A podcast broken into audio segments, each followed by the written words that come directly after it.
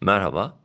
BIST dün yüksek açılışın ardından yatay seyretti. Kapanış 2158 seviyesinde gerçekleşti. Endekste yükseliş trendi gücünü korumaya devam ediyor. Yakın direnç bölgesi olarak belirttiğimiz 2150-2200 bandı gün içerisinde test edilirken kapanış bandın alt sınırının hemen üzerinde. Endekste saatlik, günlük ve haftalık periyotta ortalamalardaki yukarı eğilimde geçerli ve olumlu teknik görünümü destekler durumda. Dolayısıyla direnç bölgesi olan bandın üst sınırı 2200 seviyesi gündemde kalmaya devam ediyor. BIST'te 2080-2030 bandı yakın destek, 1980 seviyesi altı ise kısa periyot için zayıflama bölgesi olarak düşünülebilir.